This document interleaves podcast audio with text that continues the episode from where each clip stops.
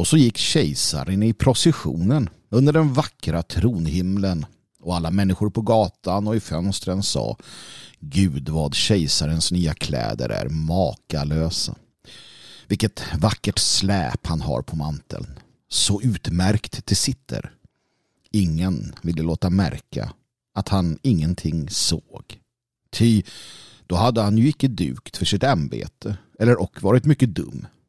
Inga av kejsarens kläder hade gjort en sådan lycka. Men han har ju ingenting på sig, sa ett litet barn. Herregud, hör bara den oskyldiges röst, sa fadern och den ene viskade till den andra vad barnet hade sagt. Han har ingenting på sig, är det litet barn som säger. Han har ingenting på sig. Han har ju ingenting på sig, ropade slutligen allt folket. Och det kröp i kejsaren, ty han tyckte att de hade rätt. Men han tänkte som så. Nu måste jag hålla god min till processionens slut. Och så höll han sig ännu rakare och kammarherrarna, Gingo och Buro på släpet som alls icke fanns. Kejsarens nya kläder var det där. Slutet på i alla fall. Av H.C. Andersen. Och det är i den berättelsen som vi tar avstamp med denna minipodd som eh, spelas in idag den 27 juni tisdag som det är och året är 2023. Ja, en annan eh, eller snarare så här. Man gör ju remakes på sagor och filmatiserar dem idag. Disney är duktiga på det. De förlorade tydligen hundratals miljoner på sina woke-tolkningar eh, av alla möjliga filmer som de gör. Och jag kan eh, tolka om den här sagan till hur den hade slutat idag. När barnet ropar men han har ju ingenting på sig.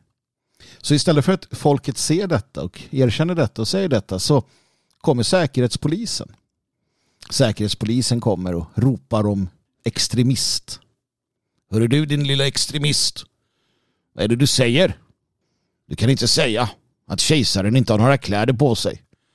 När han alldeles uppenbarligen har det. Ja, och så tas barnet iväg. Och eh, placeras i fosterhem eller någonting omskolningsanstalt.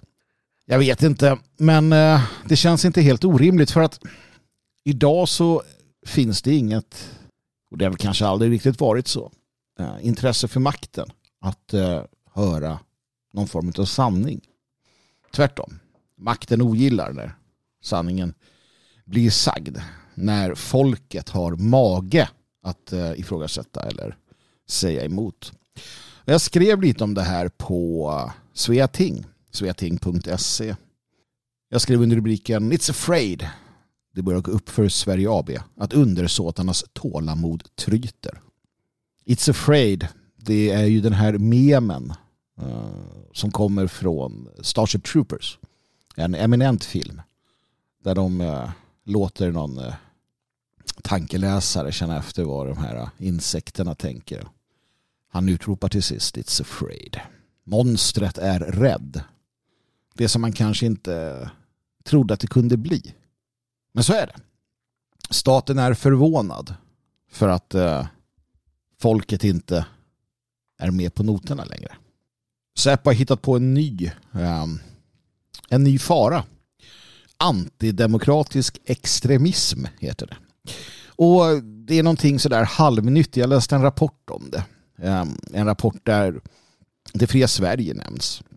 Och eh, i, eh, i, i förtäckta orda, ordalag så omnämns också undertecknad med flera. Vi är väl en del av den här antidemokratiska extremismen misstänker jag. Så att helt ny är den väl inte. Vi har väl åtminstone några år på nacken. Men det är ändå förbluffande hur de vrider och vänder saker för att få det att passa in. Och man blandar friskt som vanligt. Man eh, tar fram de, eh, man tar fram de eh, händelser ur, ur vår närhistoria som, som är i, i, i allt väsentligt fruktansvärda. Vi har Brandon Tarrant i Australien och andra våldsdåd. Och man nämner det faktum att eh, människor på nätet uttrycker sig vad ska man kalla det för, revolutionärt eller med revolutionära fantasier. Det, det ropas på våld och det ropas på att ta itu med eh, förrädarna och vad det nu kan vara. Och det är klart att det finns en det, det, är klart att det finns en frustration där ute. Det är klart att, att man ibland känner just de, de sakerna. Och det tycker jag inte man ska sticka under stol med. Jag fantiserar också om våldsamma revolutioner och att få gå till rättning med de jävlarna. Det är klart man känner så. Jag menar när man tittar på det samhälle vi, vi lever i. De saker som händer. Det faktum att vi för bara någon månad sedan eller två hade en händelse i Göteborg där en vuxen man, en icke-svensk, hugger en sjuårig flicka med kniv på öppen gata mitt på dagen. Eller gängskjutningar. Eller mord på gym. Eller mord på pizzerior. Kommer du ihåg Kjell? Jag hoppas det. Eller mord på barn i skolan. James Waite. Arminas Pilekas. Eller mord på svenskar som står upp för det som är rätt. Tommy Lind. Är det så konstigt att folket som ser detta känner ett djupt hat mot de politiker, den massmedia, de myndigheter etc. som inte bara upprätthåller det utan som också gör det värre, som fördjupar detta. Nej, det är inte konstigt. Det, det är fullkomligt naturligt. Jag skulle våga säga att det är ett sundhetstecken. Såklart kommer inte det erkännas i den här moderna tiden eftersom att man nu menar att alla dylika känslor på något sätt är toxiska. Ni kan ta det jävla låtsasordet och kasta ut. Så barnet som ropar att kejsaren är naken, han ska ha sig en lavett. Han ska ha sig en uppsträckning, han ska bli skrämd och hotad av trolljägarna. Aschberg kommer med baseballträ till högsta hugg eller någon av de andra som hänger ut människor till höger och vänster. Lyssna här vad barnet säger. Barnet säger att kejsaren är naken. Barnet, barnet säger att, att eh, det är på ditten eller datten sättet här i vårt samhälle. Tysta barnet. Tysta barnet. Det är vad de är ute efter och därför levereras också den här typen av rapporter. Det är alltså Totalförsvarets forskningsinstitut som har gjort en rapport som heter Rutten demokrati, konspirationspropaganda, rasism och våld. Och det är Säkerhetspolisen som har beställt den. Så att eh, den här kommer då ligga till grund för när Säpo drar upp sina strategi för framtiden. Och såklart är det radikaliseringen som ligger i botten. Och, och man, man pekar ut då den här miljön som är fientlig som man säger mot det liberaldemokratiska systemet. Bland annat så eh, upprörs man över att detta, detta, denna miljö har mage att påstå att samhället är i förfall.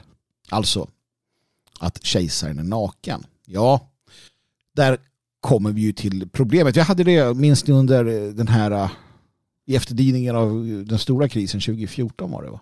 2015-2016 så hade vi den här diskussionen om Sverigebilden. Och man ville göra gällande att sådana som jag till exempel var då förrädare. Vi var landsförrädare. Första gången jag hade hört det äh, eller läst det begreppet användas i, i, i media, i riksmedia. Vi var landsförrädare, sådana som jag och andra. Eftersom att vi sa det som Eh, hände. Det vill säga terrorlekarna och övergreppen och, och, och, och våldet och svenskfientligheten vi var landsförrädare för att vi eh, smutsade ner Sverigebilden, ergo vi sa sanningen. Så att omvärlden fick se och kunde förstå vad som händer. Och där la man grunden för det. Att, att erkänna och, och peka på problemen som de skapar. Det var att vara förrädare. Och nu så säger Säkerhetspolisen att det är extremism att påpeka att Sverige befinner sig i ett förfall. Å ena sidan, mina vänner, så ska vi lyssna på myndigheter som berättar att vi ska förbereda oss på kriser, djupa kriser. Kris är det nya. Det eviga. Kris. Vårdkris, poliskris, militärkris. Skolkris, sjukvårdskris. Elkris. Jag läste det nya om att vattnet var på väg att bli svindyrt. Så vattenkris, miljökris, klimatkris plastkris och matkris. Vattenkris sa jag redan en gång. Kris, kris, kris, kris, kris. Vi hör om kris överallt. Vi har gängkrig på gatorna. Vi har ett fullständigt havererat välfärdssystem. Vi har en pågående välfärdsstöld där främlingar utan solidaritet med vårt land på alla sätt och vis gnager på Svea. Men säger du det, men säger du detta, då, då är du en extremist som Säkerhetspolisen ska hålla ögonen på.